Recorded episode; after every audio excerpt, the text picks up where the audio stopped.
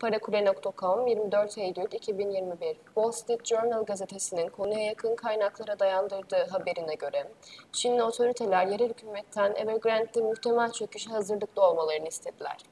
Evergrande'in bütün olarak kamu tarafından kurtarılması ihtimaline mesafeli olduğu kaydedilen Çin hükümetinin olası iflasın sosyal ve ekonomik etkilerini sınırlamak istediği ifade edildi.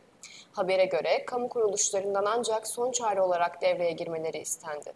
Yerel hükümetlerden ise muhtemel kargaşaları önlemek için hazırlık yapmaları talebinde bulunuldu. Amerika Birleşik Devletleri Çalışma Bakanlığı haftalık işsizlik maaşı başvurularına ilişkin verileri açıkladı.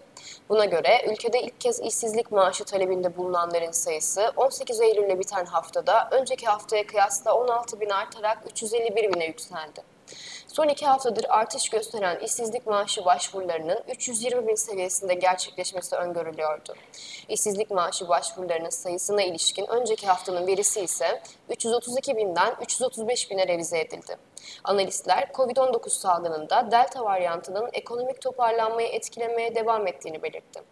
UBS, mevsimsel talebin Hindistan'da güçlü olmaya devam etmesine karşın borsa yatırım fonları ve ticari olmayan altın vadelilerden çıkışın etkisiyle altın fiyatlarının gerileyeceğini öngördü. Altın fiyatının son, yıl sonunda 1700 dolar olacağını tahmin eden UBS, fiyatın 2022 yıl ortasına kadar ise 1600 dolar seviyesine gerilemesini bekliyor.